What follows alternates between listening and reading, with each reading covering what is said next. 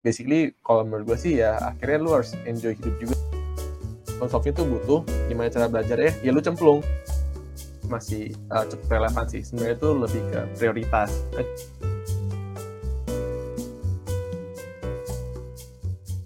Sama oh ini sama satu lagi sih kalau ngomongin uh, apa uh, prioritas. Ini waktu itu gue baca di kan di pekerjaan pertama gue sih yang di di Tada ya gitu. Ketika lu udah tahu nih kan jadi dulu gue tuh sampai set kan hari ini tuh maunya selesaiin apa-apa aja gitu. Nah kalau emang lu mau selesaiin satu hal itu jauh-jauhin HP lu. Jauh-jauhin notifikasi. Itu kayak sekarang nih WhatsApp di laptop gue ini gue mati notification.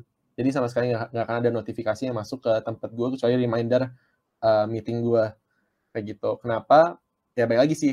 Lu kalau mau kerjain fokus ya lu fokus 30 menit selesaiin ya gitu jangan jangan baru kerjain bentar eh ada yang ngomong kan lu jadi nggak fokus kan gitu. Jadi uh, menurut gue salah satu yang bisa lu lakuin itu sih. Dan dan ya walaupun ini ada ada backfire ya kadang-kadang ada mungkin bos atau user yang pengennya kalau ditelepon langsung angkat. Ya mungkin lu oke okay lah kalau telepon gitu. Tapi kalau chat sih menurut gue lu hilangin dulu gitu. Dan um, kalau gue ngobrol sama temen gue kadang-kadang gitu kan. Tapi kan kalau gue nggak balas chatnya kalau gue nggak balas chatnya gue ngerasa nggak enak gitu kan gitu. Terus gue bilang lah lu kalau misalkan orangnya chat lu terus lu lagi makan lu nggak bawa hp sejam lu nggak enak kan emangnya nggak juga kan normal gitu kayak lu nggak balas chat satu jam gitu. Kecuali lu nggak balas chatnya satu hari atau enam jam gitu ya lu nggak balas gitu. Nah itu baru itu baru nggak normal. Cuma kalau lu setengah jam satu jam nggak dibalas dulu ya nggak apa-apa sih menurut gue sih. Iya benar sih kak, benar-benar benar. Mulai besar tuh kita harus mulai memilah-milah juga ya kak, harus tahu mana yang penting yang mana enggak gitu. Mulai kerasa sih semenjak kuliah ini kan, kalau SMA tuh udah jelas kan jadwal semua teratur gitu. Kalau kuliah kan kita yang atur sendiri semuanya, jadi harus pinter-pinter dah atur prioritas. Kalau enggak tuh kayak laporan nanti keteteran, apa keteteran, apalagi makin semesternya makin ke atas makin banyak tugasnya juga. Iya sih, benar-benar. Betul. Uh, kita lanjut nih kak. Dari tadi kan kita ngomongin masalah kerja juga kan, kak Kenny. Ya. Nah, menurut kakak nih bedanya waktu zaman kuliah sama sekarang udah kerja tuh apa kak? Hmm, bedanya ya, bedanya lu dibayar sih. Iya sih kak. Bedanya, bedanya sekarang, sekarang lu, lu terima, lu dibayar terus plus tuntutannya sih tanggung jawab lu gitu um, semakin besar role lu, semakin besar tanggung jawab lu. Contohnya misalnya kalau lu sebagai purchasing gitu ya, ketika lu salah, lu bakal bisa rugiin company berapa juta, berapa puluh juta, berapa ratus juta. Jadi sebenarnya tanggung jawabnya yang bakal lebih gede lagi gitu. Bentuknya tuh bukan kalau kuliah apa ya nilai berarti ya gitu. Kalau di kerjaan bentuknya itu antara uang, waktu atau orang gitu. Entah lu bikin uh, perusahaannya ya tadi ya salah beli atau terlambat beli dia kena denda bisa uh, waktu gitu ya waktu kerjainnya yang jadi makin lama karena lu buat kesalahan atau enggak orang-orang yang misal kayak contohnya harusnya kerjain ini gitu kalau tahu salah yang lu minta kayak gitu terus uh, jadinya ya udah deh um, orang jadi harus ada orang lagi yang uh, masukin barang tersebut kayak gitu. Tuh. Aku penasaran deh kalau dari pandangannya Kak Kenny nih, kalau kita okay. waktu zaman kuliah kan kayak misalnya ada praktikum, laporan tuh banyak. Itu uh -uh. kita udah ngerasa stres banget rasanya kayak ih capek banget. Pokoknya ya gitulah Kak. Tahu lah hmm. rasanya gimana. Nah, yeah. kalau sekarang Kak Kenny udah kerja tuh ngelihat hal kayak gitu gimana sih Kak? Zaman dulu kuliah udah ngeluh praktikum doang, bikin laporan doang. Ternyata kalau kerja tuh apakah ternyata bebannya lebih besar atau gimana Kak? Uh, bebannya lebih besar nggak ya? Ya kalau dari dariku sih kayak itu emang tantangan yang dihadapin pas kuliah ya emang ditadikannya itu gitu. Kalau sekarang lebih besar, tapi kayaknya nggak bakal se ekstrim kuliah ya. Kayak kuliah tuh gue bisa sampai jam berapa pagi kayak gue tidurnya gitu ya ngerjain tugas kayak atau belajar kayak gitu ya. Uh, tapi kalau kerja kayaknya nggak sampai kayak sih belum kalau kalau dari pengalaman gue ya nggak pernah sampai yang lembur abisnya nggak pernah sampai jam 2 pagi berhari-hari itu nggak pernah sih. Gitu malah sebenarnya lebih ekstrim kuliah. Cuman mungkin kalau di kerjaan itu eh, baiknya ke, tanggung jawab sih. Gitu dan kalau yang gue sih kalau gue lihat sih kebanyakan biasanya anginan. Gitu misalkan anginan tuh kayak kerjaan tuh nggak bakal selamanya lu sibuk dan nggak selamanya lu senggang gitu. Jadi pasti ada satu dua minggu yang lu nya santai tahu-tahu minggu berikutnya hell week gitu ya masalah di mana-mana gitu ya. Lu lu lakuin kesalahan lah ada project baru lah yang lu akhirnya lembur dan segala macam. Terus dua minggu lagi kosong berapa minggu lagi uh, penuh lagi sih kayak gitu. Gitu sih hmm. jadi jadi kalau menurut gue bedanya bedanya itu sih seperti itu. Walaupun tadi itu mungkin kalau dari pengalaman gue ya yang kerja ya di startup dulu sama sekarang mungkin di perusahaan uh, distributor lah gitu sih Hmm, oke oke Kak. Berarti lebih ke arah tanggung jawabnya sih ya kalau kerjaannya tergantung pekerjaannya masing-masing lagi dia kerjanya kayak gimana. Betul, betul. Uh, kalau tapi kalau gue ngobrol sama temen atau gue liat teman-teman gue yang ada di beberapa field sih kayak gitu sih kebanyakan ya kayak oh bisa hmm. minggu ini santai gitu ada masa-masa santai atau minggu depan nggak tahu nggak tahu kenapa padahal nggak nggak nggak ada plan gede tapi ada aja gitu ya masalah ABCD akhirnya sibuk rusuh gitu ya terus lama-lama santai lagi rusuh lagi santai lagi rusuh lagi kayak gitu kebayang kebayang Nah kan Kak Kenny kan sekarang kalau aku udah ngestok nih di LinkedIn-nya, Kak Kenny yeah. tuh kerja di uh, Princom Solusi, jadi Betul. business development. Itu tuh nggak jauh-jauh kan dari pra kemampuan problem solving. Dan juga aku udah ngeliat juga Kak Kenny tuh punya Let's Go Koi di IG. Ya, nah betul. di bio juga aku lihat membantu kamu menyelesaikan masalah sehari-hari okay. uh, dengan lebih mudah dan seru. Nah, ngomongin soal problem solving nih kak, Uh, menurut hmm. kakak seberapa penting sih kemampuan problem solving itu uh, di dunia kerja dan juga mungkin kehidupan sehari-hari? Oke, okay. uh, penting sih ya, ya penting ya ngomongnya. Semakin lu punya skill tersebut, gitu ya, lu bisa menghemat lagi waktu lu sebenarnya sih dalam menyelesaikan sesuatu, gitu. Tapi menurut gue problem solving skill itu tuh um, luas gitu dan gak akan ada akhirnya uh, untuk lu bisa namanya gue master problem solving tuh uh, dalam segala hal tuh nggak bisa gitu menurut gue sih. Pasti lu akan belajar suatu hal yang baru. Contohnya misalkan gue waktu itu di di sekarang deh sebagai business development atau terakhir di Tada sebagai account manager gitu ya. Megangnya produk gitu ya gue pastiin produk yang gue pegang itu um, usernya suka usernya mau pakainya gitu ya dan jaga hubungan gitu mungkin kalau lu tanya gue sekarang ini problem solving gue udah cukup bisa lah gitu ya mendapatkan tanggung jawab seperti itu. Tapi kalau akhirnya lu pindahin gua ke segi HR gitu, I think itu punya problem solving skill yang beda beda lagi gitu loh. Walaupun walaupun mungkin gua tahu basicnya harus cari rootnya dulu lah, harus cari apanya, tapi still takes time untuk lu tahu uh, rahasia-rahasia atau enggak ya itulah um, skill-skillnya apa aja sih yang harus lakuin. Seperti itu. Jadi problem solving itu butuh gimana cara belajar ya? Ya lu cemplung. Gitu ya lu cemplung. Lu mau bisnis makanan lu bisa dari belajar franchise lu beli franchise gitu ya.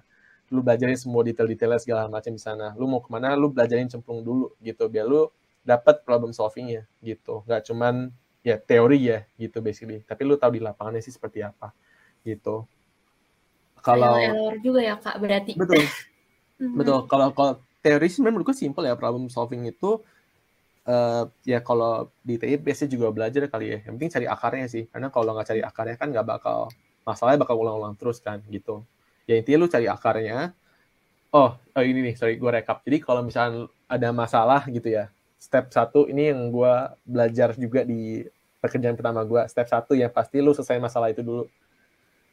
Gitu. Ketika ada masalah ya, misalkan ada masalah uh, misalnya di pekerjaan gue deh waktu itu di Tada ya misalkan uh, aplikasinya error gitu membuat customernya marah gitu. Step satu selesaiin dulu masalahnya gitu. Ke usernya kah ke customernya kah ke siapa pokoknya settle nih ini akhirnya gimana?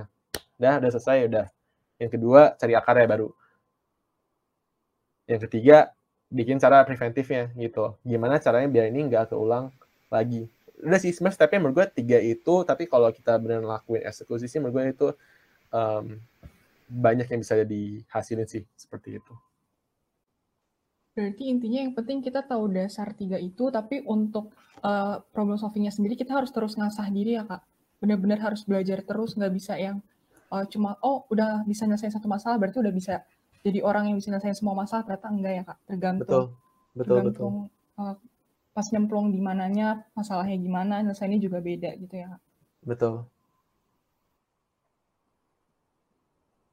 Boleh nih Kak, kan tadi udah sebenarnya udah dikasih tahu sih kayak langkah-langkahnya, tapi ada nggak sih Kak tips-tips, mungkin tips sederhana gitu buat problem solving sehari-hari, atau mungkin boleh tuh sekalian let's go kuinya Kak. Apa nih promosi ya berarti? Follow iya, let's go boleh. um, tips-tipsnya sih uh, sekarang kayak ya, tipsnya itu mungkin ini sih balik lagi menurut gue ke expose sih gitu ya semakin besar uh, wawasan lu gitu ya ketika momen itu datang lu punya banyak backup nih gitu ya. Oh ini kalau dia tuh cara kayak gini cara kayak gini mungkin kayak gini kali solusinya gitu. Jadi basically perbesar wawasan lu gimana caranya pakai internet gitu ya bisa follow Let's Go Kuy gitu ya. Mungkin gue juga share uh, beberapa masalah dari sehari-hari lah pekerjaan lah motivasi atau lu mau cari di YouTube gitu ya. Jadi mungkin YouTube-nya jangan dipakai buat nonton entertainment terus gitu ya, tapi dengerin juga cara orang uh, misalkan cara orang beli rumah gimana sih, cara orang ngatur bisnis gimana, cara orang ngatur uang kayak gimana. Menurut gua tuh di YouTube banyak banget konten yang kayak konten kayak gitu yang menurut gua lu bisa belajar dan uh, dapat banyak banget sih dari sana. Gitu. Ya tipsnya paling itu sih ya, lu banyak perbanyak wawasan dulu karena uh, baik lagi ketika kita membaca buku, mendengar cerita orang, menonton YouTube, pokoknya mendapatkan sesuatu dari orang itu sebenarnya kita menghemat waktu sih gitu untuk kita nggak cemplung ke kesalahan yang sama gitu loh gitu walaupun sebenarnya mungkin bisa tapi saya kira adalah hal atau usaha yang lu pengen cobain biar lu nggak lakuin kesalahan yang sama sama orang tersebut kayak gitu. Oke nih, mantap. Nih, boleh nih yang tadi Let's Go Kuy di follow di IG-nya nanti buat Sobat Onje. Betul, betul. At Let's Go underscore Kuy. Nah, di follow ya guys. Jadi boleh, endorse boleh. Gue. follow guys. Oke nih Kak, buat pertanyaan yang seriusnya sih sebenarnya kita udah. Asik. Cuma kita ada semacam kayak apa ya, game sekali ya Cek nyebutnya. Iya. Buat seru-seruan aja Kak. Yang namanya Discordet, pasti Kak Kenny udah tahu nih. Bakal ada dua pertanyaan, Kak Kenny pilih satu, tapi cepet ya Kak. Oke. Okay. Boleh Joce dimulai. Oke, mulai dari aku ya. Kuliah atau kerja? Kerja. Oke, lanjut Yves. Oke, Kak. Kalau aku lihat di IG kakak nih, ini dua-duanya kayaknya sering kakak lakuin nih. Pilih kuliner atau traveling? Kuliner. Aduh, susah ini. Soal traveling gue isi kuliner aja ya. Kuliner lah, pokoknya kuliner. Oke. Sekarang balik lagi deh kuliah. Tentang kuliah-kuliah lebih okay. mending kerja kelompok tugas kuliah atau rapat organisasi? Rapat organisasi. lebih uh. lebih apa ya? Lebih luas gitu kali ya mungkin ya pembicaraannya. Oke okay, kak, ini buat sosmed nih kak, lebih mending tiktokan atau aktif di Instagram? Tiktokan sebenarnya kalau oh, iya. kalau gue sih tiktokan sih sekarang ya karena eh tapi Instagram udah dari sih cuman menurut gue TikTokan itu kayaknya algoritmanya lagi lagi happy happy banget jadi kayak lu bisa boost banget sebenarnya sih gitu ya lu, lu bisa boost banget um, followers lu karena algoritma dia yang masuk FYP itu lagi lagi gede banget gitu sih menurut gue. Hmm, kita kira tuh awalnya TikTok tuh cuman ngetrennya di Jawa kita doang ya, Dis ya? Iya, lebih banyak ya. Kayak zaman masa-masa kita doang, anak-anak angkatan kita hmm. gitu ya, Cek. Mm -mm. Ternyata di yang lebih kalangan juga masih ya, Dir. Hmm. Emang se-hype itu ternyata. Oke, lanjut nih. Kalau liburan, milih ke pantai atau ke gunung? Pantai. Eh, eh pantai. Oke, Kak. Nah, tadi kan Kak ini bilang, Kak ini suka kulineran kan? Pasti yeah. suka dong martabak. Oh, iya. Nah, milih yang asin apa yang manis nih, Kak? Manis. Wah, sama berarti kita. Manis tuh the best, sudah paling naikin mood banget. Betul. Tapi cuma tapi cuma boleh makan dua. Eh, kenapa? kalau tiga, kalau tiga udah kilaf itu, udah sampai lima tuh udah kilaf itu. Dari oh iya, bener sih kak. Gak apa-apa lah kak, sehari sekali-kali. Oke, baca buku atau nonton film? Nonton film. Sebenarnya mungkin baca buku gue lagi coba bikin habitnya sih, cuman kayak emang susah ya. Sebenarnya baca buku terus-terusan ya, gitu. Kayaknya lebih mudah nonton film gitu. Bener sih kak. Nih karena tadi kak ini pilih pertama kerja, hmm. kalau misalnya nih kak ada waktu senggang, kakak itu lebih suka nyari-nyari kerjaan atau ya udah relax and chill aja. Relax. Oh. Karena sih udah relax sih. Langsung cepet banget ya. Oh cepet dong nih relax lah, relax, relax. Yeah. Ada karena apa ya? Oh uh, mungkin buat kali, eh mungkin buat kita semua ya bakal harusnya sih bakal bakal ngerasain sih kayak mungkin nanti pas udah masuk dunia kerja gitu ya, kok kayaknya tuh hidup gini-gini aja. Ini namanya quarter life crisis ya, mungkin kebanyakan orang akan akan hadapin sih, kok kayak hidup tuh gini-gini aja, ngapain sih gue kerja, bangun jam 8, pulang jam 6 tiap hari, kayak gitu. Um, jadi basically kalau menurut gue sih ya akhirnya lu harus enjoy hidup juga sih, gitu. Um, nggak bisa kayak lu um, pengennya ambis ambis ambis ambis ya tapi ujung-ujungnya buat apa gitu sih jadi mendingan kayak enjoy lu bisa habisin waktu sama orang yang lu cintai kayak gitu ya. Gitu. Kayak itu lebih lebih enak hidupnya sih kalau menurut gue bener-bener. Harus apa ya? Work life balance kalau orang-orang ngomong kayak gitu. Karena Betul. aku rasa tuh di TI kadang mungkin kita semua tuh belakangan ini stres juga ya di ya, tugas ini tuh? tugas itu. Kayak oh. banyak banget gitu kan tugasnya. Hmm. kita sampai iya lupa gitu loh harus santai juga kali-kali untuk chill. Betul Oke, sebenarnya udah habis sih Kak untuk dari pertanyaan kita uh, yang main-main juga tadi udah. Kita senang banget sih udah ngobrol-ngobrol sama Kak Kenny sampai gak kerasa udah berapa menit nih, Div?